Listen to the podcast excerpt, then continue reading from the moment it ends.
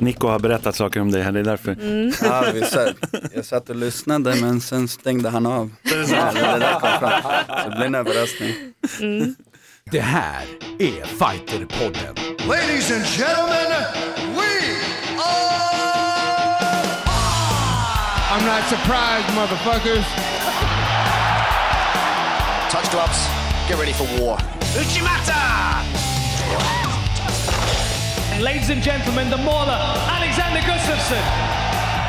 Oh my God!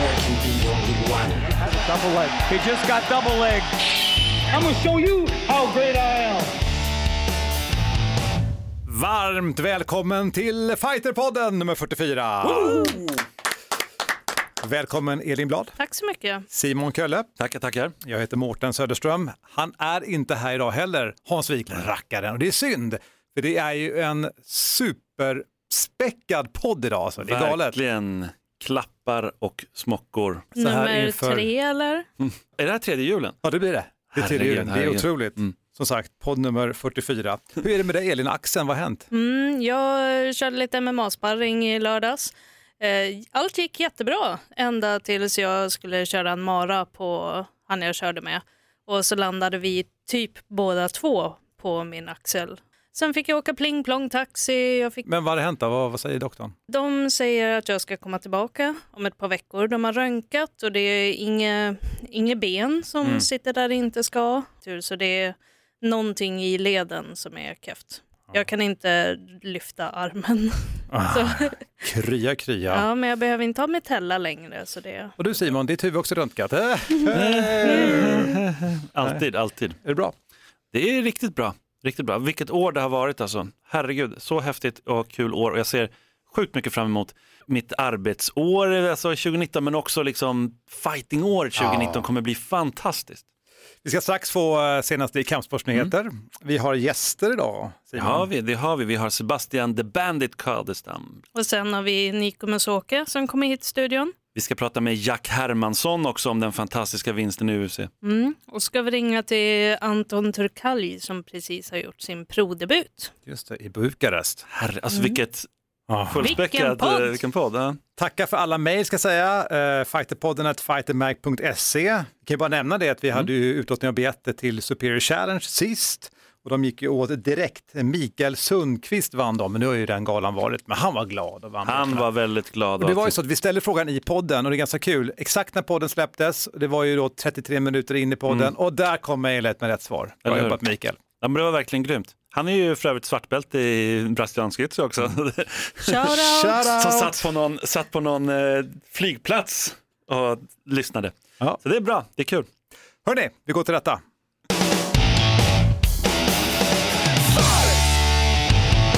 Innan vi släpper in Nico Mosuke så ska vi ta lite eh, nyheter. Superior Challenge slog ju tittarrekord bland annat på TV10. Så Roligt. Verkligen kul. Alltså, Och nu ska man säga att det är häftigt med tanke på att linjär tv går liksom ut för så det är ju ett bra tecken. Ja men verkligen, jag tror att det var topp tre av de, alltså alla sportsändningar i, i den kanalen under hela hösten.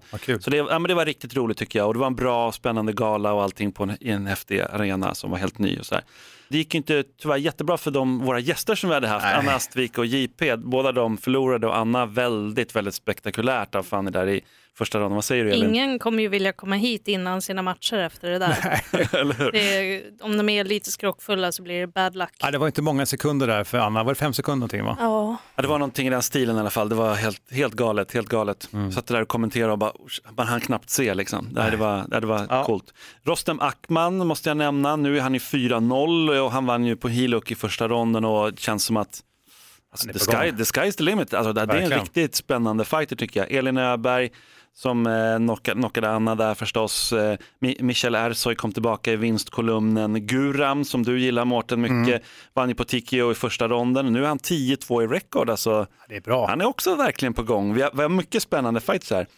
Eh, David Bjälkheden, nio raka segrar nu efter den här vinsten. när blir det UFC för honom? Vad säger vi där? Vad jag tror vet du? inte, alltså det, det är väl UFC eller Bellator. Alltså Ja, det ryktas ju mycket om att Bellator ska komma till Stockholm, eller till Sverige i alla fall. Och då är det ju nästa år och då, då får, då, det kanske blir honom där. Eller liksom, det kom, jag tror att många svenska fighters tänker att de ska komma in i Bellator faktiskt, Mm. med tanke på det. Kanske han, who knows? Karl Albrektsson vann ju fantastisk TKO där mot eh, den före detta UFC-fightern Josh Stansbury. Och det är, alltså, apropå fighters som är på gång, Karl Albrektsson, herregud alltså. Personligheten, håret, det är håret. fightingen kommer trea. Nej jag skojar bara. Jag har Nej, men hört att han permanentar det. Är det sant? Ja, det står ju rätt Nej, jag upp. vet inte, jag vet inte. Vi får fråga honom, vi måste ta in honom igen. Men, men just det här att han har ju den, som säger, den här imagen, han har ju lyckats liksom odla allt det runt omkring sig och det där är ju en grej till alltså. Det är en äkten till nivå. Ja. Och det är liksom så här, det känns som att han är ändå sig själv. Det är det som är så, alltså, för man kan göra det på ett fejkat sätt eller sådär, han tar sig själv gånger två. Jag, jag älskar det verkligen, Niko Musoki, eh, så kul, det ska bli riktigt roligt att snacka med honom om hans vinst och vad som händer i hans karriär nu. Det är riktigt, riktigt spännande. Sen i huvudmatchen då hade vi Simon Sköld som eh, slog, alltså han revanscherade ju sin förlust mot Jerry Kvarnström. Och så, det, ja, Men, tycker du att den var solklar den vinsten? jag tycker den var klar. Mm. Det tycker jag. Men jag vet att det, det har varit lite, några som har ansett att den inte var helt solklar och sådär. Det vet jag. Men eh, nej, nej jag tyckte den var, den, den var klar. Nej, men jag, jag tycker nog att det var vinst också, men jag tänker för Ibland kan man tänka sig för Simons skull, det hade Mm. varit skönare om han vann supertydligt. Nu var han ju glad ändå att han vann såklart. Jo men eller hur, och det var ju lite så här att han, han behövde typ vinna den matchen. Det var lite så. Och, Det var ju lite, så är det ju. Ja, ja, ja men Absolut. verkligen. Och, eh, och han, hur han liksom fick försvara sig mot, han, han representerar ju ändå Nakadoyo som är, har en primärt liksom, eh, grappling-baserad fighting och han är ju själv en stående fighter från grunden och sen här så mötte han en grappler och är tvungen liksom att försvara den biten. Sådär. Men Simon är lovande och han är, han är ett väldigt bra han är en bra ambassadör för sporten på väldigt många olika sätt. Så jag ser verkligen fram emot att se Simon. Sådär. Han har, jag vet att han fick lite så hardcore-fans som gav kritik att varför ska han gå huvudmatchen? Och så. Helt rimligt tycker jag att han ska gå huvudmatchen. Ja, ja. Helt rimligt. Sådär. Det var Superior Challenge. Sen har jag Tobias Harila. Han är ju ganska galen fighter på ett härligt sätt. Eh, han, han har ju nu gått, alltså han gick två matcher på, jag tror att det var åtta dagar, två veckor i alla fall. Och inom två veckors spann så har han gått två proffsmatcher, vunnit båda. En i Serbien och sen eh, tog han ett bälte i Swansea i Wales. Sådär mot en, eh, en av Conor McGregors eh, kollegor eller klubbkamrater. Jag tänker att det där är helt rätt sätt. Alltså, om man typ har matchförberett, om vi tänker typ Elin Öberg har liksom gjort Mm. allting, vinner på första slaget, ja, men gå en match till direkt när man ändå är färdig med förberedelserna. Ja men eller hur, ja men verkligen. Det, det är väl bara att det är lite svårt att få det på så Kort short notice. Men Ja. Så är det ju. Vi fortsätter lite inom MMA och pratar lite UFC. UFC 231 hade vi, där såg vi Max Holloway försvara bältet mot Brian Ortega. Och eh, jag tror det var ju väldigt, väldigt många som, alltså det var ju doktorn som stoppade matchen där till slut, men det var väldigt många som trodde på Brian Ortega och, och till, Max Holloway, det känns som att han underskattas jämt. Alltså. Men frågan är om han kommer göra det nu. Nu, nu tror jag folk Nu- fattat, he is for real. Det Alltså, ligger mycket i vad du säger. Många bettade ju på Brian Ortega liksom, Ja. men det var ju max match hela vägen. Det var hela vägen, verkligen. Och jag menar, egentligen sen hans vinst mot Hamid Akira Khorasani i, i Stockholm så har ju bara Max Holloway sett så jäkla på grym ut. kanelbullens dag. På kanelbullens dag också. Det är ju extra viktigt tycker jag. På samma gala, Shevchenko slog ju Johanna Jędrzejczyk. Eh, det är liksom, ja, det är tufft för henne nu Johanna. Säger. Mm. Ja. Ja, det, det har ju vänt lite där. Ja, och sen hade vi också Gunnar Nelson som vann övertygande mot Alex Oliveira. Bra, bra match, eh, tycker jag och bra gala så där överlag. Ännu kanske nästan bättre var det nu sist här. Sista galan på Fox, vilket de amerikanska kommentatorerna sa typ tusen gånger ungefär. Att, tack Fox, tack Fox. Ska över till E ESPN nu. Ja, de ska över dit. Det kunde de såklart inte säga då i sändningen, så där. Det, det blir liksom fel eftersom att det var på Fox. Men eh, där fick, vi så Al Eaquinta som, eh, som slog Kevin Lee och det var ju liksom andra gången de möttes. Och väldigt, väldigt många trodde nu att eh, Kevin Lee skulle vinna och han var också favorit där och så. Men han förlorade. Al Eaquinta vann där och det gör ju att det blir lite speciellt där. Nu vill ju han, han vill ju möta Conor McGregor nu. Eh, Al Såklart. Han vill inte, göra- han vill inte göra det Men liksom. det är ju bara för att han vill ha money Ja, fight. Exakt. Jag bara stanna där bara, men tänker på det en kortis bara med här ESPN. De säger att det blir lite en annan produktion nu, att de ska ändra lite grann. Vilket de gjorde också med Fox. Det var ju så att de tog in Hans Zimmer som gjorde vignetten. Liksom. Alltså, det var väldigt mycket, det är ju vikt- Ja, det extra gick för mig. ju Då, så här. från gladiator till lite mer... Ja men eller hur, och det är väldigt många som tar upp det där att de, de tog in väldigt, väldigt bra folk på produktion, och, men även sån sak som vignetterna, ta in liksom mm. Number Uno eller en av dem i alla fall som, på att göra liksom, musik. Så att, äh, äh, riktigt grymt. Det ska bli spännande att se vad de kommer göra på ISBN, faktiskt väldigt spännande. Men sista, om vi fortsätter lite på den, så snackismatchen efteråt, det var ju Edson Barbosa mot, eh, mot heter, Dan Hooker. Och det roliga är ju att väldigt många snackar om Dan Hooker, hur bra han är på att ta stryk.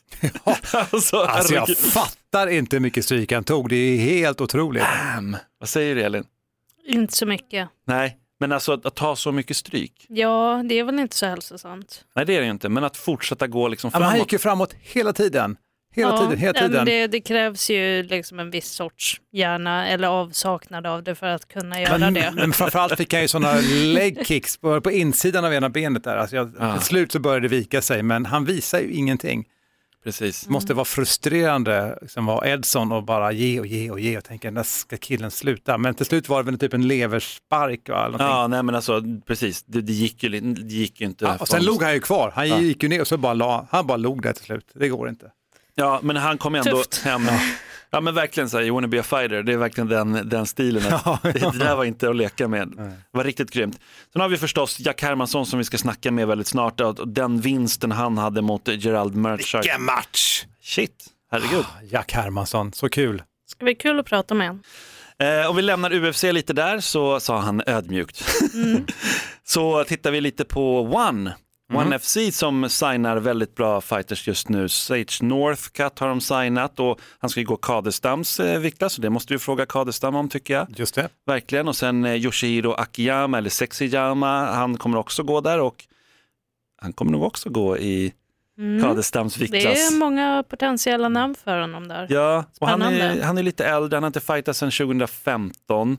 Men alltså de förlusterna han hade, sen hade han en del förluster och några vinster också, men det var ju bara mot så här, den absoluta toppen. Och innan UFC så var, hade han ett, Han hade ju lite av en gatekeeper-roll kan man ju säga. Ja. ja, ja men han, och precis, och så där. Så att det, det blir väldigt kul att se. En fighter då, om han möter Akijama som har liksom fightats mot Jake Shields och Belfort, Bisping och Sage Northcutt som är hur hypat som helst som kommer med vinster från UFC i ryggen och ändå släpp, släpptes. Liksom.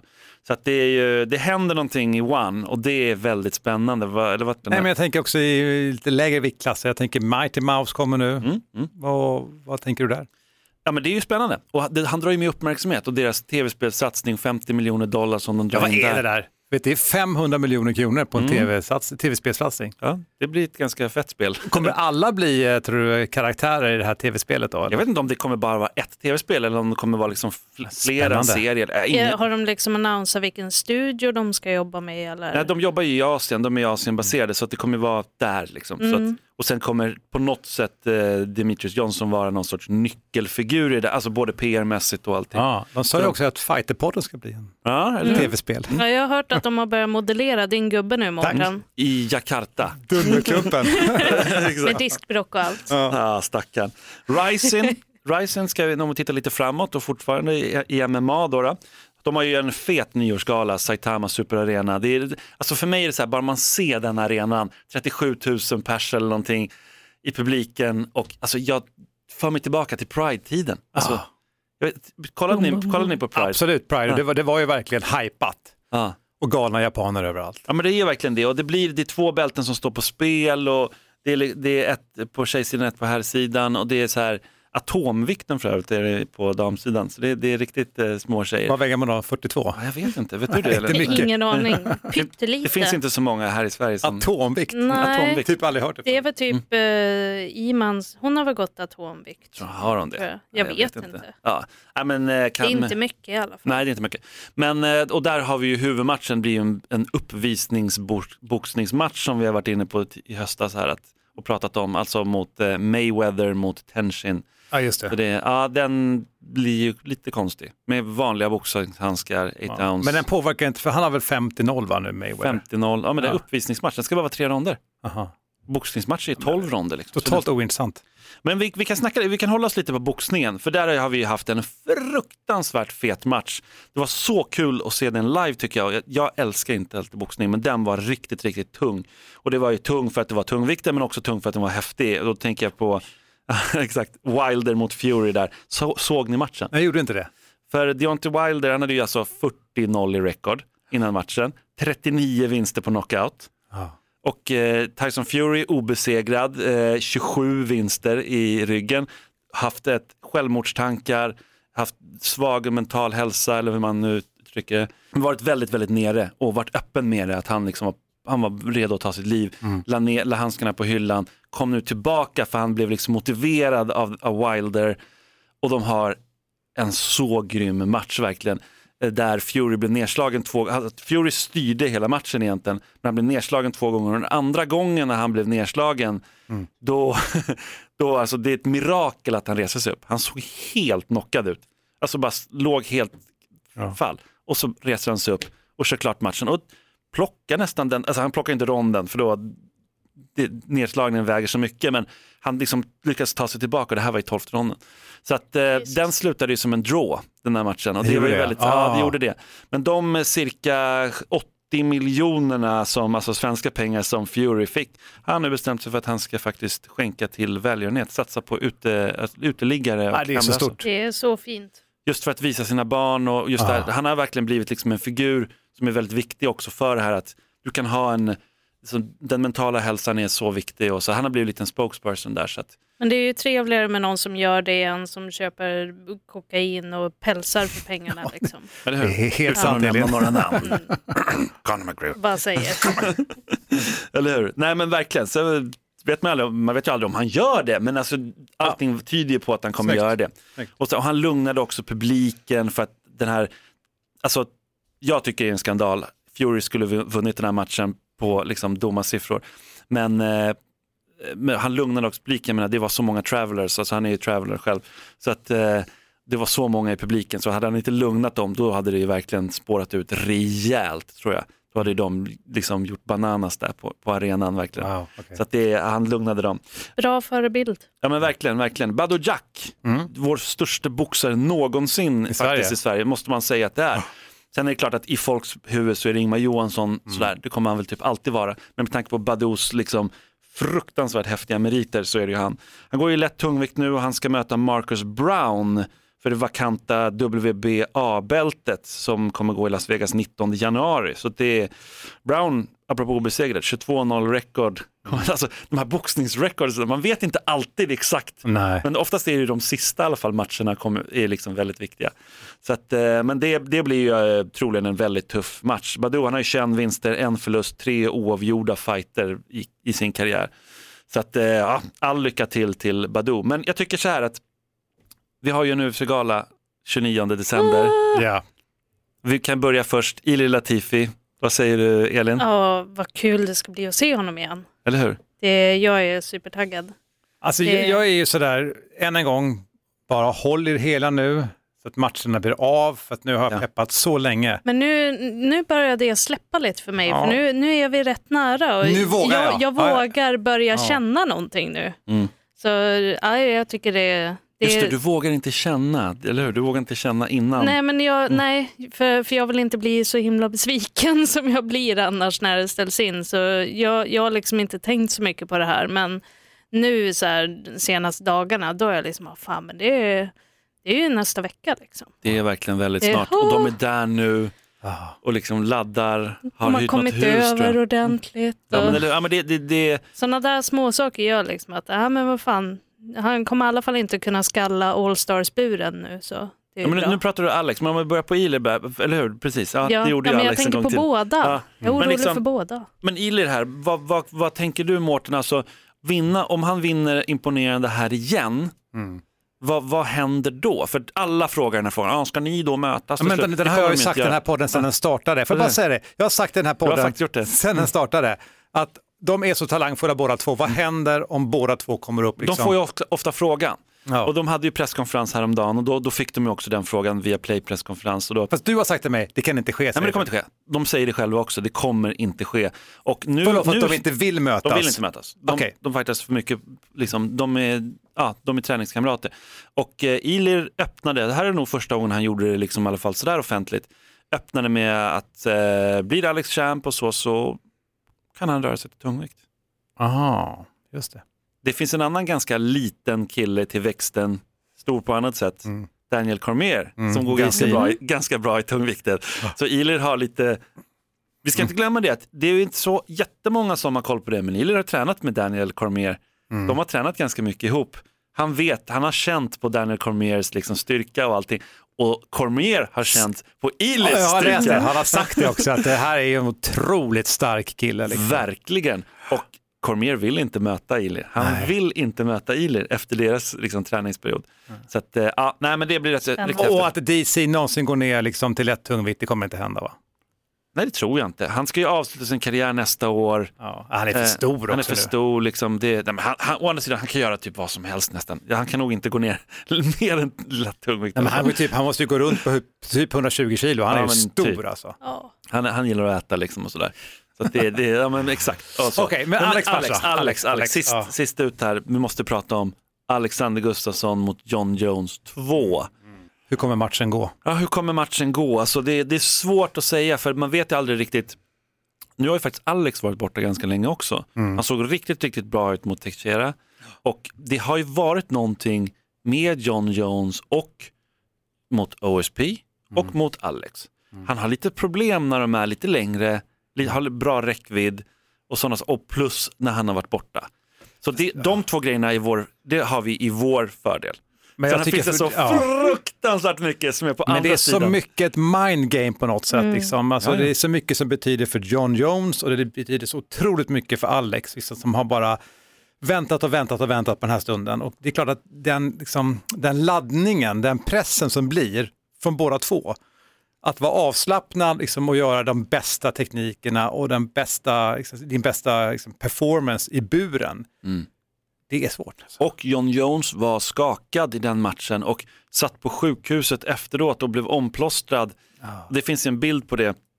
Och liksom, det var verkligen så här, Alex tog med sig någonting av John Jones. Alltså, det verkligen så. Ja, men jag tror att det där leder nog till att jag tror inte Jones tar några risker. Nej, det nu. tror inte jag heller. Jag tror att han, han kommer vara mycket mer, liksom, ha- alltså dels i förberedelserna tror jag att han har haft liksom ett helt annat fokus än Mm. mot deras första match. Och så tror jag att han kommer nog försöka vara jävligt smart i den här Jo, matchen. men försökte han inte det liksom i första också? Nu, nu, ja, kan, men nu, då, nu kan han då titta kanske på han var lite mer i sitt stök och bök liv liksom. Och, Ja. Möter ja, en men han, är, han, han har ju alltid Alex. varit en kaxig jävel. Jo, men Alex är ju en annan fighter då. Ja, alltså. de är, ju, de är ju liksom olika i det där, men det jag tänker är att Jones kanske den här gången inte, inte släpper till Nej. på samma sätt. För nu, han, nu vet han på ett helt annat sätt vad det betyder att stå och trada med Gustafsson.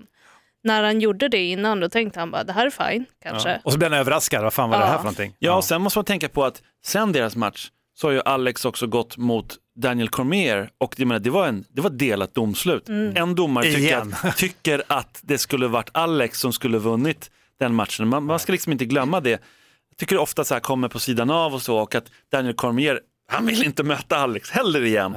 Det är ju någonting, Alex får dem att inte se så sjukt bra ut. Det är liksom, det, han är så svår. Ja, orkar och han tar ner, alltså, han tog, tog ner Daniel Cormier som typ aldrig har blivit nedtagen mer. Han Och tog han ner tog John ner Jones, Jones flera det. gånger. Liksom. Sen blev han ju också nedtagen, men han tog sig snabbt upp.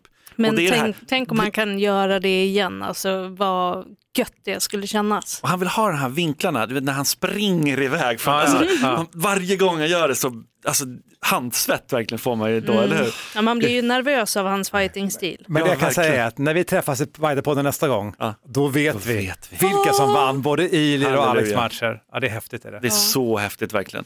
Ja, nej men det finns ju betydligt mer man skulle kunna säga. Det har hänt massvis eh, med spännande saker och det händer mycket 2019. Men det, vi får ta det sen. Knacka på dörren här va? Ja, det gör det. Vi har Nico Mosuke som vill in här.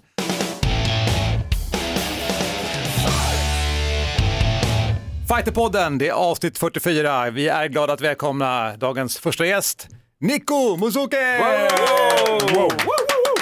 Tack så mycket. Välkommen, hur är läget? Tack, det är bra. Hur mår ni? Ja, det är bra, tack, det är skitbra, det är grymt. Är ni Sist vi såg dig så var ja det är vi, vi såg ju dig på eh, Superior Challenge. Vilken match! Mm. Tack, äntligen. Meriterad motståndare hade du. Ja, Och, men det var alltså, han, kommer ju, han är ju så varierad. Ibland är han ju sjukt bra verkligen. Ibland är han lite mindre bra. Nu såg han så här, mer ut som att han faktiskt var bra, men du också bemötte det på ett sätt. Han kom för att Verkligen. och om det är någonting, alltså han är ju rutinerad Mm. som, som få som fortfarande håller på än idag. Eh, han var med, räknas kanske lite som, som old school men han åker liksom fortfarande runt, kommer för att fightas och är ett liksom, respekterat namn, Verkligen. meriterad med allt vad det innebär. Men den fighten, hur, liksom, vilka förväntningar hade du på Daniel? Jag hade väl kanske föreställt mig en lite annan matchbild men det blev lite som det blev. Jag, jag fick anpassa mig ganska, ganska tidigt i matchen. Eh, så det blev vad det behövde bli för att vinna. Kan du beskriva vad det var som överraskade dig och hur hanterade du det? Den stora grejen, nu i efterhand så kanske jag lät det bli liksom en större grej än vad det behövde bli. Men jag blev, jag blev träffad över ögat. Och det gick så här eh, flashbacks till en match jag haft för några år, sedan- ja, några år sedan. Då ögonhålan gick och jag bara okej, fan, inte igen. Men eh, det kändes okej, framförallt i slagväxlingarna, alltså det här med avståndsbedömningarna, det blev lite off. Och det var därför matchbilden blev som den blev, att det blev en del clinchande och jobb därifrån. Även i restaurangen, alltså när jag släppte så kände jag att okej, men fan, jag träffar ju, jag prickar. Men det är lite så här, ah, det är inte helt hundra så okej. Men men en sån grej, alltså när man har haft en sån skada som du har, man pratar ju om det här att man kan få en smärtkropp, alltså att liksom kroppen har ett minne av att det där var ju sjukt obehagligt. När, Mm. det, när du är i en sån match och det händer, du säger själv att åh nej, ska det hända igen? Det är bara mentalt att liksom stänga av det. Ja, och man får liksom inte fastna i det heller. Det får inte bli så att det tar över. Alltså allting, alltså oavsett vilken match det är, du kommer alltid behöva anpassa dig på vägen. Och sen får du inte låta sådana grejer liksom ta för stor plats Nej. och inte fokusera på Det är, det. lätt, det är lätt att säga, men när du är i buren liksom. Men ni är proffs alltså, det, är, det är er uppgift, eller hur? Ja, det, det, det hör till liksom.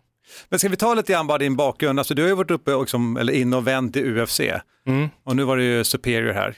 Ja. Om vi tar liksom din bakgrund, hur hamnade du liksom i kampsport och MMA? Eh, den klassiska berättelsen är att det var av misstag. Jag, var, jag följde med en polare efter skolan. Han, sa, han sålde in det som att det var typ K1 vi skulle gå och köra. Och jag såg att det låg liksom Det var stort Ja. på den tiden också, K1. K1 ja. ja, det var Jörgen, Martin Holm och Ja, ja. det var många svenska profiler. När jag klev in i lokalen så såg jag att då tävlingsgruppen, de låg på marken och brottades. Och du tänkte, det här är inte K1. Nej, och bara okej. Och jag kommer ihåg, jag kommer ihåg det så starkt, jag har säkert sagt det här innan, men hade någon sagt bara vi drar, då hade jag dragit. Oh, Men shit. samtidigt, vi stannade kvar och sen när det var dags för oss att gå och kliva på mattan. När passet var över, det var helt klart det bästa jag hade gjort i mitt liv dittills. Så Vilken klubb var det här då? det var på Stockholm Shoot Mm. som var del av Fight Center eh, i Slussen. Hur gammal var du? Det här var 04. Då var jag 17. 17 år gammal. Hade du idrottat innan? Eh, fotboll. Fotboll. Och, och, hur länge körde du innan det blev att nej, men jag ska verkligen satsa på det här och jag ska bli proffs? Typ? MMA, Mm. eh, det passet. Oj. Det var direkt, alltså det, det, det, var, det fanns livet innan, Mm. lite som man brukar prata med, om barn, liksom, att det fanns ett liv innan.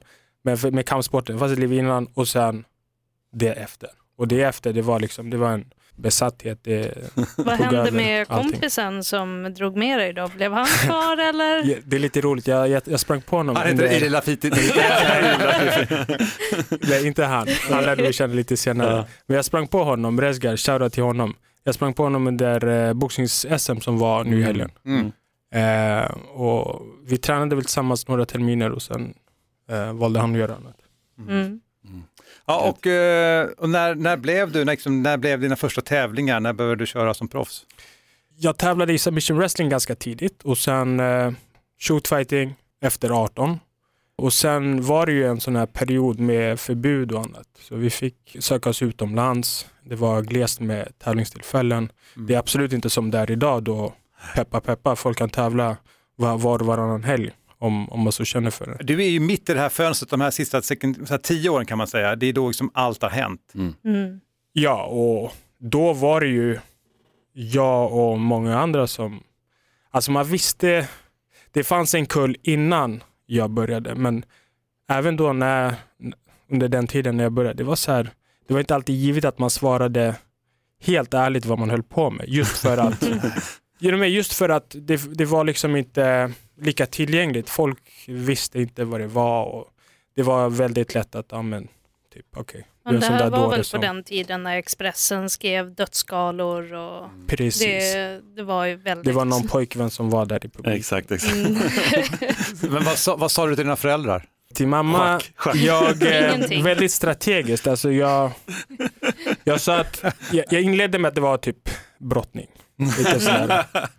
Och sen att det fanns lite ledlås och kanske lite strypningar nämndes och sen att det var slag och så inblandat också. Men sakta men säkert så guidade jag ja, henne in i det. Men Jag kommer ihåg alltså första gången, jag tror det kan ha varit första gången vi träffades, Majdi också pratade väldigt gott om det redan tidigt, kommer jag ihåg. Alltså, eh, och, men också att då var, du var med i någon artikel, du var på en Superior Challenge-gala typ, kommer, har, har du minne av det här?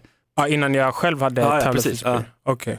Du har varit med om mycket nu så du kanske inte minns allt, men det är bara jag som minns allt. Första, första för Superior var ju på när de fortfarande var eh, i Fryshuset. Mm, Och sen första galan på Hovet tror jag. just det. Men det, det är kul att vi har vuxit ur de eh, kläderna Mm. eller arenorna Eller hur? och större. Vad tyckte du om arenan sist?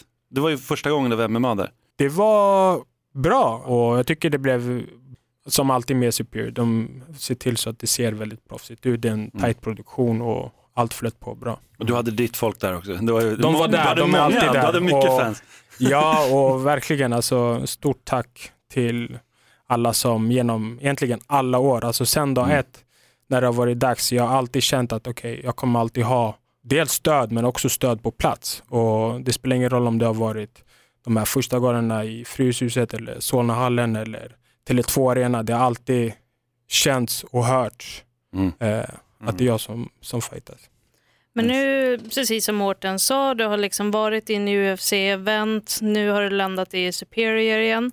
Är det liksom att du tänker att Superior ska vara din hemvist eller har du, vad är liksom ditt mål nu? Är det att komma tillbaka till UFC eller är det att kanske börja jobba mot... Bellator kanske? Ja, men jag tänker, jag tänker typ One FC, för du Mm. känns ju som att du inte gillar det här kacklandet så mycket. Som det, är, som det kanske är liksom i de större organisationerna. Men One känns ju som en lite mer lugn, och- alltså det är sport. Mer. Det är det. Ja, alltså kacklandet absolut. Men samtidigt, det som liksom driver mig och får mig att liksom kliva upp och gå på passen på morgonen, det är just tävling, tävlandet och utmaningen. Och om man kollar på bredden så är det ändå att UFC är ledande. Mm. Och Det är det som driver mig. Jag vill mäta mig mot de bästa och eftersom de flesta anses vara där, då är det dit jag ska. Mm. Och bara för att poängtera det, jag hade en period i UFC innan och de här matcherna nu som kommer vara eh, kommer vara liksom steg på vägen tillbaka. Nice, det känns skönt att höra. Jag tror, alltså, alla tror ju typ på dig också. Eftersom att, Tack. jag menar, du styrde hela den där matchen, den här sista matchen i UFC. Mm. Hela, hela matchen fram till slutet bara. Ja, den var, den var snöplig på många sätt. Mm. Det var liksom, ja, jag vill inte låta som en repad skiva. Men det var precis som du säger, om jag får säga det själv Ja. också, att matchen var min. Ja. Och sen hände det som inte får hända när det var 23 sekunder kvar. Men Mm. det är samtidigt också det som är fighting. Eh, det är surt, det är ett högt pris att betala. Någonstans man vet liksom, okej, det, det hör till. Det kan bli så. Jag har fått uppleva det. Eh, det gick lång tid mellan det tillfället och den här senaste matchen, Mm, mm. vilket absolut inte var liksom, ja, enligt någon plan. Så att få komma tillbaka, vinna dessutom, eh, ja, vi är på rätt väg. Hur var det ja, liksom att hämta sig efter en sån grej? Vad, vad var du tvungen liksom för att ta för steg eller för hjälp för att börja komma tillbaka efter det rent mentalt? Och... Alltså det svider ju än. Alltså nu när vi pratar om det så blir det ju så lite, oh, okej. Men Mm. samtidigt, det är klart jag kan distansera mig till det. Alltså det är inte, hade jag låtit det bli så att okej, det där var det sista, ja, då vet jag inte. Då, då hade jag säkert grämt mig hela vägen till, till sista andetaget. Men det får inte, alltså ens motgångar får inte definiera. Men du vet ju inte det, måste det hör man ju. Du- Du, du måste vara större. Du, men det är ju också framåt nu, man märker ju på det. att Mm, Nu, mm. nu är Mycket energi, bra energi. Men samtidigt, det är liksom visst, alltså mycket är ju på grund av den hjälp och det stöd jag får runt omkring. Mm. Ifrån familj, ifrån vänner, ifrån tränare, ifrån alla sådana här alltså, positiva kommentarer ifrån er, ifrån andra, ifrån ja, vem som helst egentligen. Alla de bitarna bidrar till att jag kan fortsätta göra det jag vill Men, göra. men det upplever vi när vi säger ditt namn, alltid bara, ah, han är så bra, han är så härlig, alltså, du har ju väldigt positiv, liksom, vad ska jag säga, ditt varumärke är ju väldigt Ja, positivt. men tack. Ja men så är det ju och det är också så här, du har gjort dig känd på ditt eget sätt skulle jag säga. Du har inte snackat skit, du har inte kört den grejen speciellt mycket, du har utbildat dig, du har, liksom, du har ju ändå lämnat en, en, så här, den här enorma klubben ändå, Allstar, alltså gjort, gått din egen väg, nu du på Mm. Pancrase och, och äh, andra ställen också eller? Du känner Ja, lite jag, olika- jag är på Pancrase och tränar eh, primärt. Sen är jag och vässar liksom på Prana. Mm. Jag boxas med Louis Lagerman. Och, Ganska bra folk. Ja, det är det. det, är det. Men för dem på utsidan, då har det varit lite så här, nästan en gåta. Varför lämnade du Allstar? Alltså vad kan du egentligen säga om det? Var det så att du ville testa dina marker på annat håll? Eller vad var grejen? Nej, det, var, det som var, det var att vi, vi kom till en punkt då vi liksom för, de, för deras håll och för mitt håll behövde bestämma Mm. riktningen och där Mm. såg vi liksom olika på saker. Mm. Ja. Så kan det vara. Och då valde vi helt enkelt att gå skilda vägar. Mm. Eh, Men om, om vi tar dig, så att säga, där du är nu, hur, ser- hur ser ditt liv ut nu? Med träning och liksom, Nu är det ja, träningsmässigt lite lugnare i och med att matchen var för ja, drygt två veckor sedan. Men eh, nu över julledigheten och nyårshelger och allt så här, det, är- det är träning som gäller. Ja, det är grymt. Men du har också en, du har en utbildning, eller hur? Alltså, du har väl gått, gick du hela? Ja, ja, du, har gått, Ja. du har gått ganska mycket skola, ja, jag eller? gick i skola och så här i valtider som aldrig tar slut. Jag, jag har en kandidatexamen i statsvetenskap. Det är inte så många som vet, alla vet inte det. och, och det kanske du också ägnar tid till att fundera på hur vi ska lösa den svenska regeringskrisen. Ja, ja, jag, har mina, jag har mina Nu aningar. fick de ju fyra veckor till på sig så Ja, vi får får se vi se om de löser det. Hur det Du har alltid haft det intresset, eller? Det politiska eller skola? Mm, politiska. Eh, ja, det har nog legat lite så här latent hela tiden. Men ja, det, det, tog, det blev lite brokigt där. Men skolan- jag började med att läsa lite företagsekonomi. Fråga mig inte varför, men det var lite... Det är bra, det är bra att kunna. Det är bra ja, att det är bra att kunna. Men eh, så läste jag lite nationalekonomi och sen kände jag Ganska att tunga jag grejer testar ändå, här, Jag testar det här med, med statsvetenskap. Så bara, Okej, med statsvetenskap och nationalekonomi, det går liksom klassiskt ganska hand i hand sådär. Och sen eh, fick jag väl någon idé om att testa lite idéhistoria, men där bromsade jag mig om att okej, jag kan inte hålla på så här. Utan jag Plugga får, för alltid. ja, Alltså, så det här med akademikern, idéhistorika och histori historia och lite allt annat, det, det får kanske komma lite senare. Eller, ja, man behöver ju inte gå till skolan. kan sitta i fåtöljen om säg så här, 15 år. Ja, Det skulle ju i kunna vara bra som lärare. Du hade ju skrämt alla på högstadiet. Nej, det skulle nog vara tvärtom. Jag tror det skulle vara helt... Du skulle så här kateder- allting. Ingen katederundervisning och så här. Nej. Det skulle vara lite annorlunda.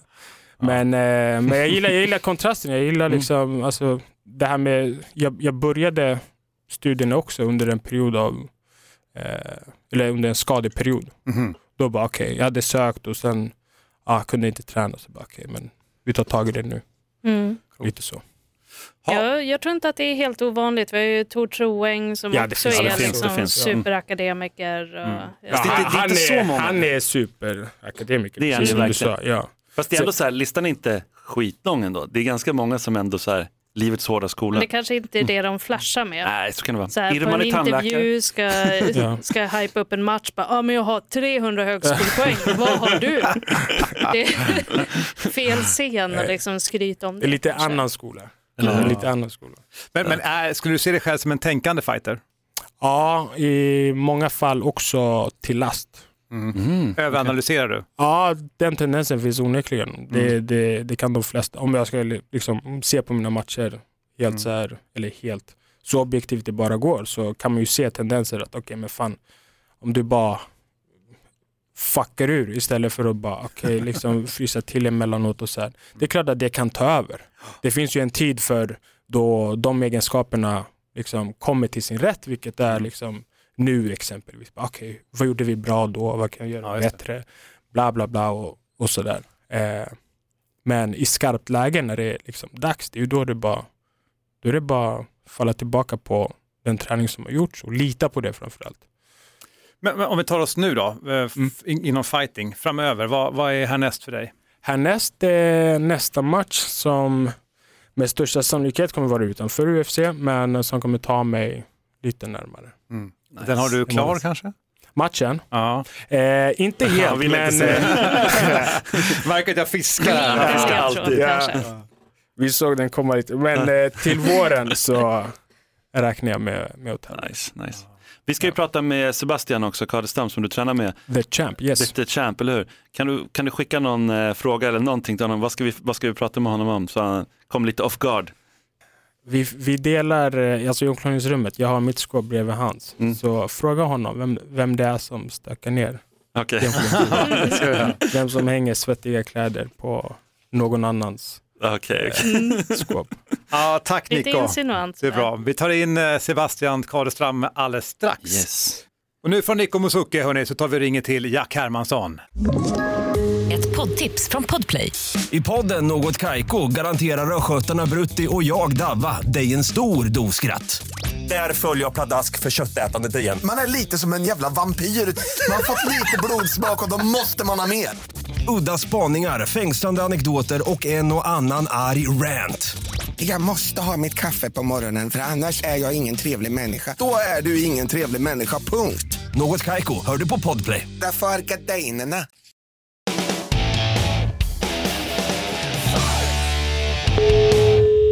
Hallå? Jack Hermansson. Ja, stämmer. Detta är Fighterpodden. Elin, Simon, Mårten. Tjena! Vilken jävla match Jack! Herregud! Vilken match! Helt chockad. Nej, jag var faktiskt inte chockad. Faktiskt inte chockad. Hörru Jack, var är du någonstans nu? Jag är hemma.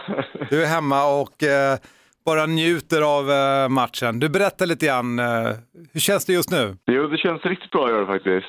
Det, det, det var skönt att eh, komma skadefri från den här matchen till skillnad från de två som var innan. Och, så nu kan jag liksom fira jul och nyår i, eh, utan smärtor och utan ångest. Så det är gött. Ja, men här, alltså vilken match du ändå gjorde. Alltså, har du, du, har, du har, eh, har du landat mentalt liksom? Ja, det, det, jag, jag tror det. det, det vanligtvis så brukar det vara lite, eh, lite konstigt så här dagarna efter och så, men det känns ganska naturligt den här gången och, och ja, det känns bara väldigt, väldigt skönt. Så, ja. Alltså, om inte man såg matchen, du slog ju Gerald Merchart där eh, med en giljotin i första ronden. Mm, jajamän. Och nu har du två vinster i rad. Ja, det stämmer. Och, och sist var det ju Thales Leites som du slog Jack. Ja, ja, just det. Och han vann ju mot Hector Lombard precis förresten. Ja, fick till det. Jajamän. Ja, men det var ju lite så här, då, vi har ju vetat hela tiden hur din kapacitet, vart den ligger liksom efter flera matcher som vi har hängt med på. Men där tror jag Ja. du blev lite kändare i hela världen och nu sist, alltså, har du känt av det nu att folk så här börjar snacka? För då, kommentatorerna nämnde ju så här contendership och allting, så att det var ju verkligen Ja, jo men man, man märker det, men jag, jag känner fortfarande att, eh, att det är så att det, det kryper sakta för mig. Det gör det. Sakta men säkert kan man säga. Då. Eh, så det, det, inte, det har inte varit eh, någon sån här eh, över en natts eh, sensation utan det, det, det kryper sakta men säkert. Lite, lite fler följare, lite fler som hänger med och, och, och, och vet vem man är och, och, och, och sådär. Men eh, men jag tror jag har liksom väldigt, väldigt trogna fans och så, de som, eh, de som följer med mig. Då. Så jag, jag tror jag bygger en stark eh, fa- fanbas även om det tar lite längre tid. Då. Och nu när du ändå har börjat liksom växa till dig, du har börjat komma utanför liksom din klick av fans, vad, vad tänker du är nästa steg för dig? Är det någon du har liksom i siktet som du skulle vilja möta nu? Ja, alltså jag har eh, droppat ett par namn, eh, bland annat i intervjun där, där det var Elias Teodoro, Brad Tavares. Eh, men det finns andra som också kan vara aktuella, kanske typ eh, David Branch eller eh, Derek Brunson eller ja, det finns några stycken där. hela listan liksom. Alla rankade liksom, det är, det är, de, det är de man vill åt. Ja, men eller hur? Har du tittat på matchen efteråt och hört alltså, vad kommentatorerna sa också när du gick ut ifrån buren efteråt? Ja, ja, jajamän, jag, jag har kollat på det ett par gånger. Här, man kan inte be om det, man måste kräva i UFC och sådär. Ja, ja. Men, alltså, med, med, ditt- med ditt ground game nu är ju så starkt. Sjukt, Det är, sjukt. det är otroligt kul att se. Men, men vad har hänt? För ni börjar alla se skitbra ut på backen. Nej, jag tror för mig så är det bara en, en, eh, en process liksom att, eh, att alltid, alltid utvecklas och, och, och att liksom inte vara nöjd med det man är. Många liksom tror jag de fastnar lite i samma mönster och, och, och tänker liksom att det, det är nog att bara dyka upp på träningen och att du ska bli bättre av det. Och det, det tror jag liksom funkar till en viss del. Men sen är du tvungen liksom att, att, att bryta ner liksom allting i detaljer och, och analysera dig själv eh, konstant, dagligen liksom för att, för att uppnå nya resultat. För det, man har liksom en skarp utvecklingskurva i starten men sen så, sen, sen så liksom, eh, är det fort att falla in i, i, i vissa mönster. Och jag tror det är väldigt viktigt att man alltid eh, prövar att söka kunskap utanför det. Då. Så där är ju intressant. Jag tänker, det är ju en sak att göra det där i en träningslokal. Men när du Mm. är i en bur med den pressen som är, alltså att du ändå är Ja. så avslappnad. Alltså, Ja, men jag tror att det är mycket, mycket det då att jag kanske har haft liksom den här kapaciteten eh, en tid tillbaka också men, men eh, det är just den här rutinen som ska till innan, eh, innan man har självförtroende nog och, och, och, och pröva allting och få till allting liksom inne i, i buren. Liksom. Annars kan det fort bli liksom att det blir stress och, och man gör saker som man kanske inte borde. Och sådär. Speciellt det där med markgamet, det ser man liksom många bara de prövar liksom bara slå utan att det är mycket tanke bak det liksom. Och det gäller liksom att hela tiden matcha det där med, med, med passeringarna och, och, och slagen. Så att de hela tiden måste tänka på eh, positionerna också emellan då. Men alltså, också sätt, jätteintressant, men sättet du mountar på, alltså det, det är väldigt många som har påpekat det efteråt att det, var helt, det har vi aldrig sett dig göra på det sättet. Nej. Alltså nej, inte på den nivån, vi har sett det lite så här i, i Cage Warriors och så, men just på den här nivån, han är ju sjukt bra den här killen. Mm, mm. Ja. nu kommer ödmjukheten ja, ja, det är fram. härligt. Men det får ta åt dig alltså. ja, ta Jack. åt dig för fan. Det är härligt. Nej men har du övat speciellt på det?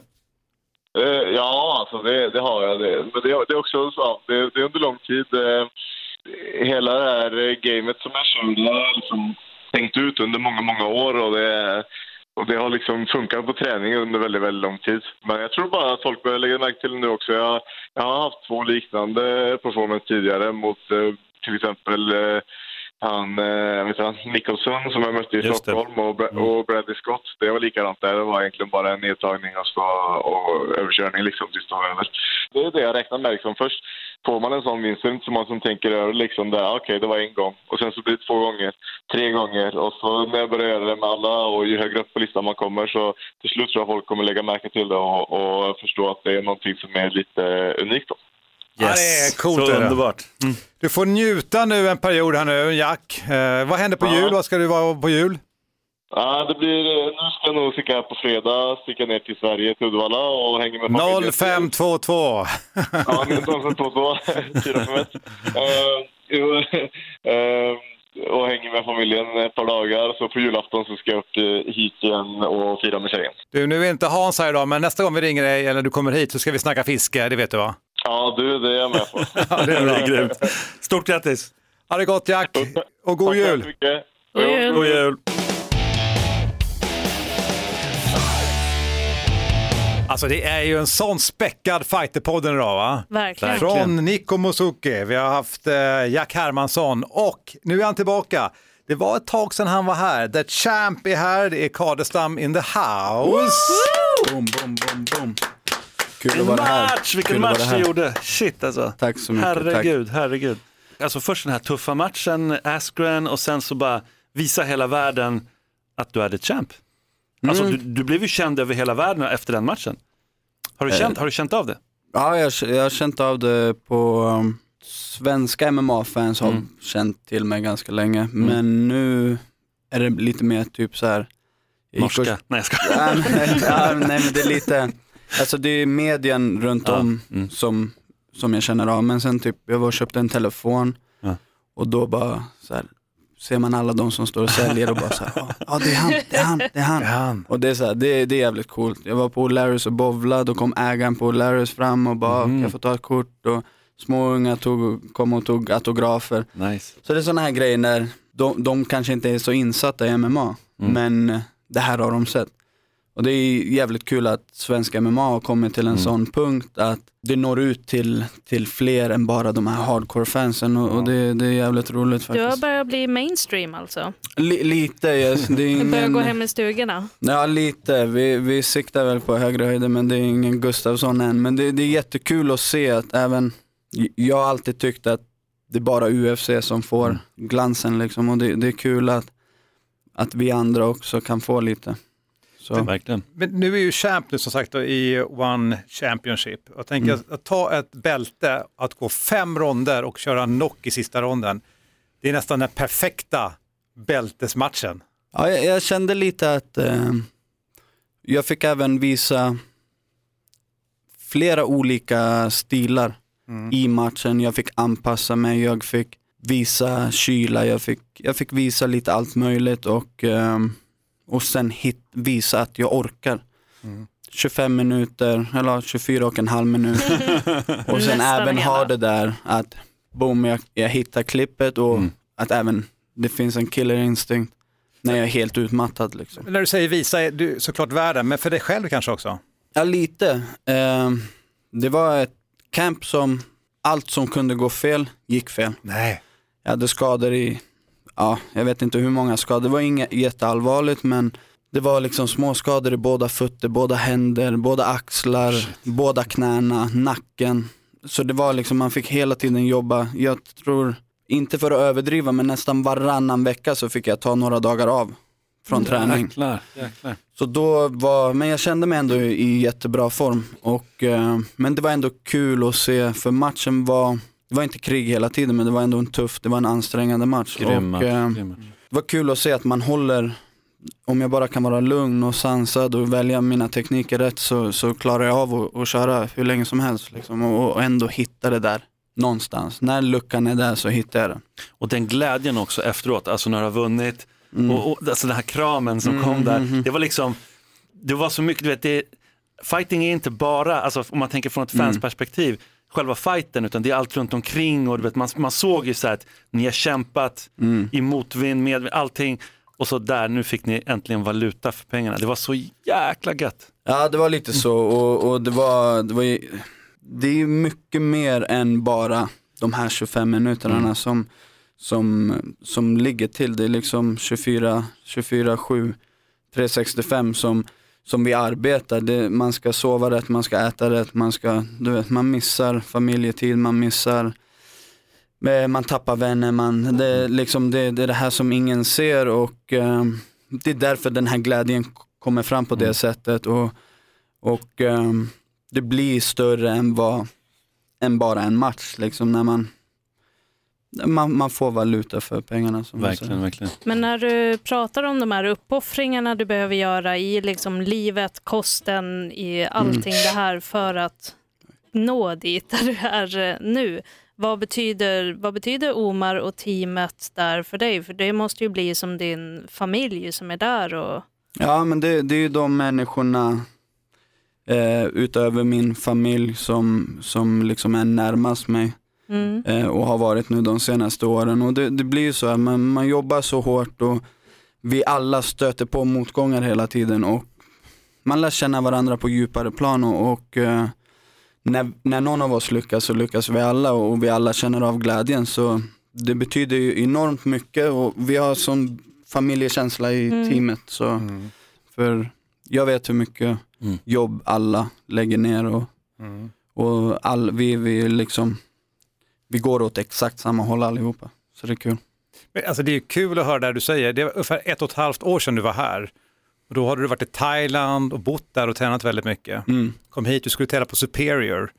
Och vi sa just det att du var lite okänd och så förlorade du också den matchen Mm, på Superior. Liksom, och det- Du hade så här, nu ska jag komma in i Sverige och visa Mm. vem jag är. Mm. Och nu handlar du mobiltelefon och man känner igen dig. Ja, nej det, det, alltså de här senaste ett och ett halvt år som du säger, det har gått hur snabbt som helst Mm. och eh, det har varit, även Askren-matchen, så det var lite motgång. Men min utveckling och allting har ändå gått spikrakt uppåt. Så vi tog den där motgången i Superior, vi gjorde något bra av det. Vi tog en chans mot eh, Sapo på två veckors notis. Mm. Vi gjorde det bästa utav det och sen så tog vi en till chansning mot Askren. Mm. Det gick inte som det gick, eller det gick inte som det skulle, men eh, vi utvecklades från det och det, det, det är lite det det handlar om att jag brukar inte gräva ner mig för mycket i motgångar för det, är en del, det har varit en del av mitt liv, Mm. hela livet. Så eh, vad man gör efter är det viktiga liksom. Mm. Men om du skulle jämföra liksom då efter att du hade kommit hem från Thailand och du ska, precis som Mårten säger, du ska etablera dig här jämfört med där du är idag. Vad är liksom den största förändringen i, i hur du lever ditt liv? Hur, hur förbereder du dig liksom för en så stor grej som att gå bältesmatch i One? Det måste ju vara en otroligt stor förändring i hur du lever. Ja, jag, jag, jag känner att jag har varit, eh, sen dag ett så har jag varit ganska hundraprocentig på min inriktning och, och lagt allt jag har kunnat. Sen har jag gått, jag tror jag har gått sex eller sju titelmatcher. Mm. Eh, en i thaiboxning och resten i MMA. Och då har jag fått de här att jag har, jag har gått 25 minuter förut och jag har vunnit titelmatcher, jag har förlorat titelmatcher. Så just den här, det var inte, i mitt huvud vart det ingenting. Nej. Eh, jag gick in där, jag skulle ha kul, jag skulle visa.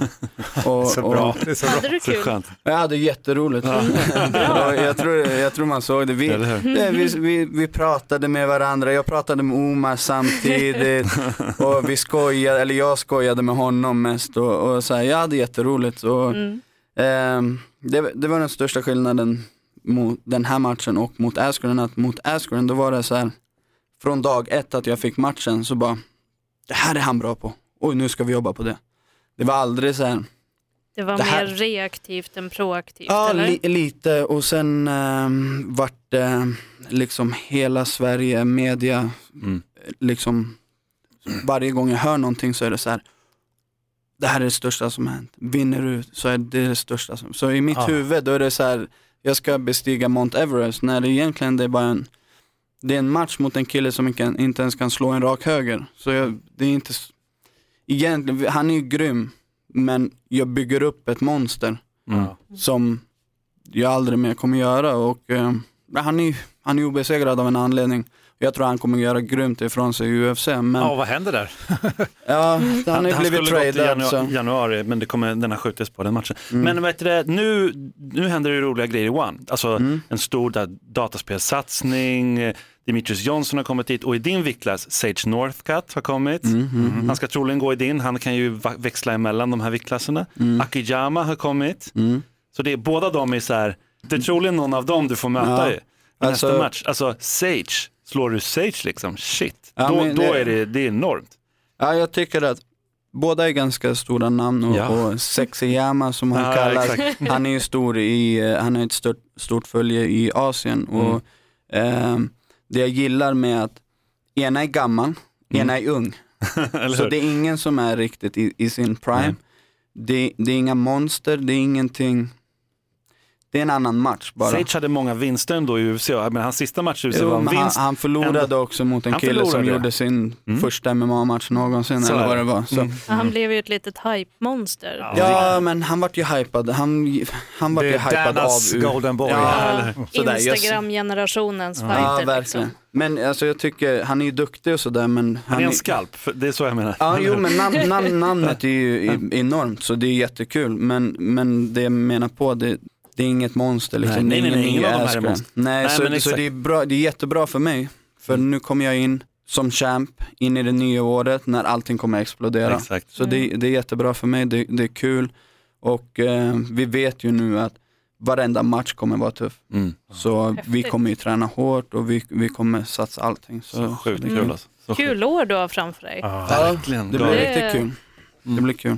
Tänker lite grann på din uh, fight-stil. Jag kollar ditt fight record här. Det här är dina vinster. TKO punch, TKO punches. Eh, en submission har du, det är en rear naked choke. Sen har du TKO leg kicks, TKO head kicks, TKO punches, knockout punches, knockout knee, TKO punches, TKO punches and elbows och knockout punch som är sista. Mm, Är, mm. du, är du en stand-up fighter? Ja, det har väl blivit så. Ledande frågan bort. Men då har vi jobbat mycket på brottningen också, på Absolut. Pancrase. Just Absolut. att det utveckla det, sist. och Mm. fotarbete och Mm. alla de bitarna. Ja, eh, jag kommer ju från en stående bakgrund och eh, thaiboxning var ju min, min eh, svaghet när jag var ung, började när jag var 13-14. Eh, och det tog jag även med mig långt in i karriären som MMA-fighter. Mm. När jag bodde i Thailand så, så var jag på ett MMA-gym men eh, sex dagar i veckan så tränade jag thaiboxning och jag körde typ ett pass grappling i veckan och, och Mm. så gick jag hela tiden MMA-match, thaiboxningsmatch, MMA-match, thaiboxning. Mm. Så, så min fokus var ju hela tiden på att bli en så bra stående fighter som möjligt. Mm. Nu har jag kommit tillbaka till Pancrase, jag har varit hemma i snart tre år och eh, det är inte ett enda pass som vi bara fokuserar på, ja det här skulle funka om vi kör stående, utan allting handlar om MMA, hur vi håller strukturen, hur, hur det handlar ju också om att få in, mitt, få in i mitt game att jag kan ta ner någon och jag kan skada i clinchen, jag kan styra i clinchen, jag kan submitta folk. Nu är inte det riktigt vad jag gillar att göra men det, det börjar ju finnas där för mig så det är alltid bra att ha i ryggsäcken att du okej, får tryggheten av att Ja. ha ett komplett game med dig. Ja, ä- än så länge så har jag aldrig gått en match och jag har känt så här, oh, nu börjar det bli knasstående. Men jag menar, en, en, någon dag vi knackar så kanske man blir träffad hårt och man, man måste gå in och brottas och då är det ju skönt att ha massa verktyg med sig. Och, och det ger mig också en trygghet att jag kan släppa mitt stående på ett helt annat sätt när, när mitt försvar är bra och när jag inte är rädd för att vara på marken, när jag inte är rädd för att hamna i clinchen. Som, som jag var nöjd med förra matchen, det var att vi hamnade i clinchen mycket, men det var jag som styrde. Det var jag som skadade. Och eh, förut har det alltid varit så här, så fort någon rör mig så bara nej, nej, nej, försvinn, vi ska slåss. Och det, det, men så fort jag får den här touchen så, bara, så fryser jag till lite och, och bara vill försvinna därifrån. Och det har ju skapat att jag vågar inte slå Nej, ut, jag exakt. vågar inte sparka. Och um, nu är det borta lite, så nu, nu har vi lite andra grejer som vi måste, vi måste ju underhålla självklart. Fortsätta, T- nedtagningsförsvaret ska ju självklart bli ännu bättre, vi måste underhålla. Nu ska vi få ihop gamet, vi ska utvecklas och, och bli kompletta på ett helt annat sätt. Känns det också som att du har andra som du tränar med som har lite liknande, alltså som också behöver jobba, om jag tänker på Sadebo Mhm. till exempel och sån här. De går liknande. Men vi har också lite, fått lite inside info av, av Nico om dig. Just det. Och det är så här, ni, ni, delar, ni delar inte skåp, men ni har skåpen bredvid varandra har vi fått Ja. höra. Och då är frågan till dig, det här är från Nico. Vem är det som hänger skitiga eller svettiga kläder i Ja, ja, ja, ja. fel? Alltså, det är jag. Jag måste säga, jag måste säga så här. jag bor i princip på gymmet. Okej. Så jag tycker att det är okej. Jag måste hänga upp mina Men tar man kläder. inte För, hand om sitt hem om du ändå bor men där? jag måste hänga upp dem på tork för att sen kunna åka hem med dem när de är torra. Eller hur? Ja, Nico, han, Nico han kommer bara en gång om dagen. Slips och jag- kostym och Ja, grejer. jag kommer dit klockan 10 på morgonen och så åker jag hem klockan 8 på kvällen. Ah. Så, men mina kläder är viktiga att de är torra när jag åker hem. Eller hur? Men, men du, var kommer du att eh, fira jul någonstans då? Julen blir hemma i Uppsala med familj och flickvän. Så det, det är planerna. Sitta där och putsa på ditt eh, bälte ifrån Nja. One Championship. Nej, men käka lite gott och det är bra. umgås med familjen. Det måste vara kunna skönt att göra det nu och inte bara vara inne i def hela tiden. Ja, nu har jag, jag har ätit alldeles för mycket de senaste veckorna. Det är bra skönt. tajming att göra det när det finns julbord. Eller hur? Ja. Men vi snackade lite med, om, med Nico om det också. Alltså, vad är det egentligen som händer på Pancrase? För det, det är nå- just nu är det ju så här, det är sjukt mycket god energi Mm. kring hela Pancrase-gymmet. Det har, alltså det har alltid varit ett bra namn och Omar Mm. har alltid varit grym, det har alla vetat. Men du vet just det här att få ihop samtidigt, att, att många, det går så bra Ja. för många samtidigt. Va, vad säger du är grejen? Vad har hänt? Jag, jag tror nyckeln är, som du säger, Omar, eh, han har ju alltid varit Ja. grym. Eh, och eh, grabbarna som har tränat, grabbar och tjejer som har tränat på Pancrase har alltid varit bra. Det största problemet som har varit under åren, det har varit att det har varit mycket spring. Mm. Folk har kommit från Hilti när det var och sen har de gått, kommit och gått från Allstars och, och lite sådär. Nu- Nu, vi samlade vi, det är jag, Nico, Kalle, Saddi och Oliver. Eh, sen har vi massa andra men det är just den kärnan för mig själv, det här jag känner att det är där vi har skapat den här familjekänslan och det är där vi har skapat den här dagliga grinden att tillsammans med Omar och, och andra tränare att vi, vi grindar tillsammans dag in dag ut och vi har ingen tävling mot varandra utan och det är också bra för vi har haft killar i UFC, vi har i Rising, vi har i One, snart har vi Bellator Mm. och vi är genuint glada för varandra så fort det är bra så, vi pushar varandra hela tiden. Jag ser, ser dem alla som min familj och, och vi är glada för varandra liksom. Så det, det är kul och, och nästa år, nästa år kommer jag, jag ser fram emot att se vad, vad resten kan göra och jag ser fram emot att se vad jag kan göra. För det kommer bli riktigt Vem är grymt. din bästa vän på klubben? Man, är, man, jag vill säga, att man har alltid en bästis på klubben. Man blir glad när de är där, man tränar hela tiden med dem.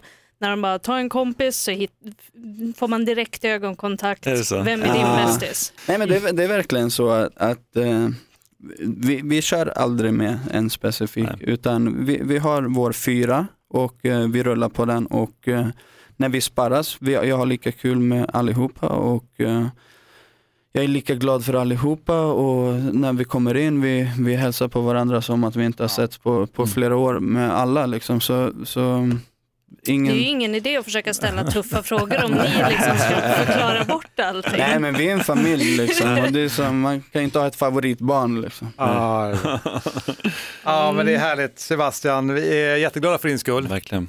Tack och ser så fram emot ett eh, 2019. Mm. Så får vi önska dig nu en god jul och ta hand om dig. Ja detsamma, Verkligen. tack för att ni hade mig.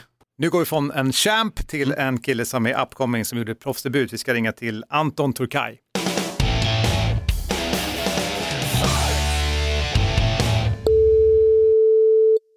Hej Anton. Anton, det är Fighterpodden. Hej! Tjena, tjenare. Woo!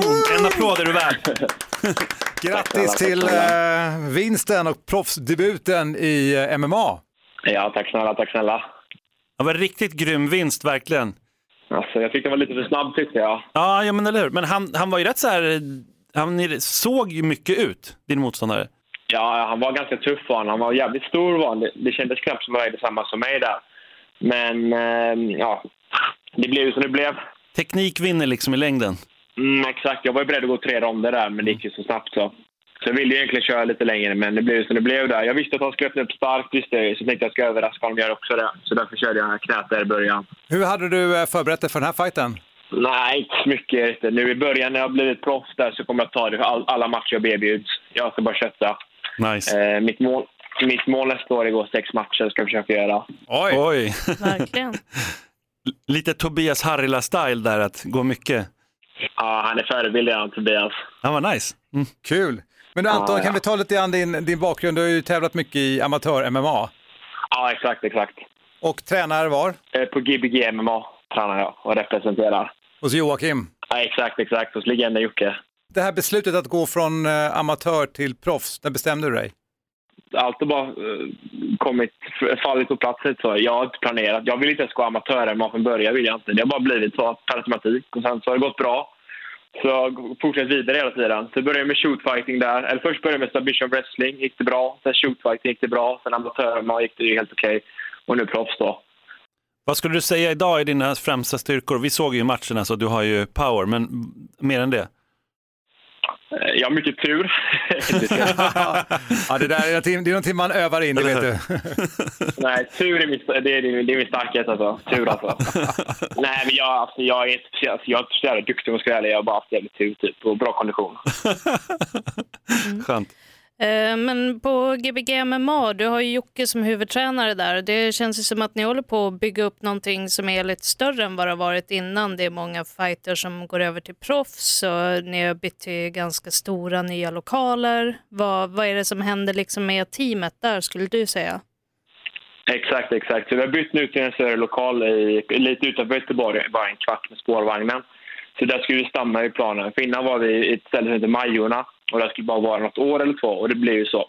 Så nu ska vi stanna här och börja om på nytt lite så. Eh, Jocke har ju rest mycket med Alistair där. Så nu har han bestämt att vi ska hemma mycket och fokusera på Charlotte Gbg då. Så vi har några upp, upp, upcomings har vi några. Jag är nog den första då. Nej, vi har flera har vi. Vi har Cornelia också på klubben har vi. Som också körde i landslaget innan med mig. Så hon har gått två proffsmatcher nu där också. och sånt. Så det, är, det är mycket som kommer. Men det är lite häftigt, lite häftigt för man tänker på liksom Gbg. Jag vet, när, när började du träna på klubben? Eh, på Gbg, oj, när jag var 17 och det? Är fem, eh, fyra, fem år sedan jag började träna på Gbg. Ja men precis, men då, man tänker vilken, vilka enorma fighters som var där ett tag och sen så typ försvann de ut eller du vet, ja, man tänker så här, pensionerade sig typ Assan och alla, hela det gänget som var sjukt grymma, men Hamid, hela det gänget. Och eh, då blev det liksom, nu kommer nästa generation på något sätt, för det var en liten lucka där då ni alla faktiskt är amatör. Det är ju ingen lucka för ni kör ju på stenhårt, men för du vet, vanliga fans så blir det lite så här som, som bara tittar på, nästan på proffs. Ja, exakt. Det var de gamla rävarna som sagt. De, de slutade när jag började med MMA. Jag vet inte varför. Det var för att du kom liksom. De kände hotet de, de, komma. blev, de blev rädda av varandra. Jag vägde 70 kilo, någonting 80 kilo max när jag började med MMA i jag var inte så stor då. Inte så farlig. Jag var nog lite mer söt i så fall. Och vad väger du nu då? Ja. Eh, Jag går runt på kanske 100, 102 kilo. Ja, det är lite större. Lite större. Lite större. Ja, exakt, exakt. Ja, ja. Jag får skägg och sånt när jag blir gammal. Men du, eh, nu har ju vi sett en del fight genom åren, du har själv gjort det. Jag kan säga att du har inte bara tur och är stark. Nej, du är grym. Ja, tack. Men ja, jag, vet, jag vet inte hur grym jag är. Jag vet inte. Men jag, jag försöker i alla fall. Jag, mitt mål är, jag gör alltid mitt bästa i alla fall. Målet är inte att vinna, målet är mitt bästa bara. Och det har ju slutat bra hittills. Ja, du har en bra start nu och du har ju som sagt mål då, sex matcher nästa år, är det så? Ja, det är målet i alla fall. Sen får man se. Livet kommer också komma i vägen, som vanligt. Men jag Det är inget man ska planera, kom igen. Man ska inte planera att det ska komma i vägen. Men, men alltså, din viktklass är ju väldigt intressant. Alltså, I Sverige med tanke på vilka som fightas. Vi har ju liksom några av världens absolut bästa i den viktklassen. Eh, men det är inte så jäkla många, va? eller hur är det, i Sverige ändå som fightas i den viktklassen? Nu har jag inte superbra koll på alla, men vi har ju, vi har ju en del. Jag var ju på Årestad Mm. och tränade för några veckor sedan där. Och där har de Ilir, Gustafsson har han. Eh, Irman är dock en viktklass över, Ja, men de har exakt. många tunga gubbar där. Och både Ilir och Gustafsson är rankade topp fem. Gustafsson Mm. är rankad etta. Så det är tunga gubbar. Ja, du har en bra, bra målbild där. Eller hur? Men du ser samtidigt att det går. Du ser ju att det går. Jag menar det är... Ja, alltså, jag började ju MMA stor, för mycket av Alexander Gustafsson. Mm. Så, så tränade jag med honom också, så det var en cool känsla att vara där. Ja, men du, du kanske var också då eh, för länge sedan i Lisebergshallen när han gick typ sin andra match i The Zone, du vet, way back. Tänk vad han är idag. Ja, exakt, exakt. Jag vet att han körde på Gladius där jag började också. Ja. Min MMA-karriär. När jag var 16 någonting. Så det, ja, det glömmer jag inte. Så berättade de det när jag började MMA. på- Jag körde på Gladius första i Fighter Center när jag var 16 började jag MMA. Och då berättade de det också när jag började. Gustafsson började också när han var 16. Ja, du ser. Då säger vi samma sak. Ja, det är bra Anton. Vi, vi eh, hoppas att få se mer av dig och höra av oss eh, i framtiden. Och så får du gärna komma till Fighterpodden när det passar. Ja, det är bra. Det är bra. Ta hand om dig. Ha det gott. Ja, God jul. God jul. Detsamma. Detsamma. God jul på er. Alltså, vi vet att det här är en lång podd, men vi Ja. har ju haft det så späckat idag. Ni har ju ledigt så det är bara att lyssna på Ja. allting. Nico Mosuka har varit här. Vi har haft Jack Hermansson på telefonen. hade vi ju Kadestam här igen. Ja, verkligen. Ja, The Champ. The Champ. Eller vad är han heter när han är fighter? Bandit. The, The Bandit. Bandit. precis. Och nu slutligen då kanske framtidens upcoming fighters då med Anton Turkal där som eh, gjorde proffsdebut i Bukarest. Det är dags att knyta ihop Det eh, det. årets sista fighterpodden. Julklappssäcken. Nej, här är julklappen. Oh! Oj, oj, oj, oj, På riktigt? Nu händer det grejer. Nå, Ska vi se här bara vem som ska få vem här nu. Kan ni prata lite grann borta? åh, vad Ja, det är roligt. härligt. Oj, det hörde du? Det klirrar. God jul Elin önskar Fighterpodden. Ja, tack. Nice. Jävlar vad tung den var. Ja, du får kolla vad du har där i för att titta lite grann. Och sen har vi här då, god jul säger vi till Simon. Åh, jag fick ett rött paket. Härligt, härligt. Tackar, tackar. Jag säger det att Oj, uh, Johan Haldin har ett paket som väntar här också. Hans Wiklund har ett paket som väntar. Och god jul Mårten också, tackar tackar. Är vi spons sponsrade här av eh, Så någon? vänta, men titta här. Åh, vad fint. Tjusigt va? Åh, Riktigt här fint nu. vin. Det är uppifrån Jag fick mina, en- mina orter. Du, här är en idrottspodd, men vi fick faktiskt lite alkohol. Lite här. alkohol. En här Härligt. Det här var finvin. Oj, oj, oj.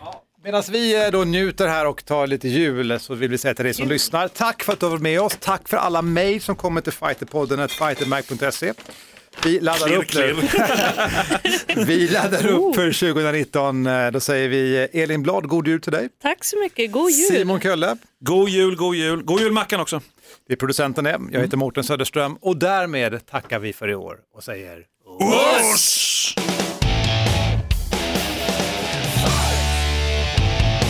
Fighterpodden produceras av Suba Media för Radio Play. Ett poddtips från Podplay. I podden Något Kaiko garanterar östgötarna Brutti och jag, Davva, dig en stor dos skratt.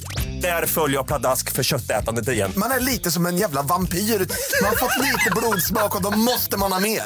Udda spaningar, fängslande anekdoter och en och annan arg rant.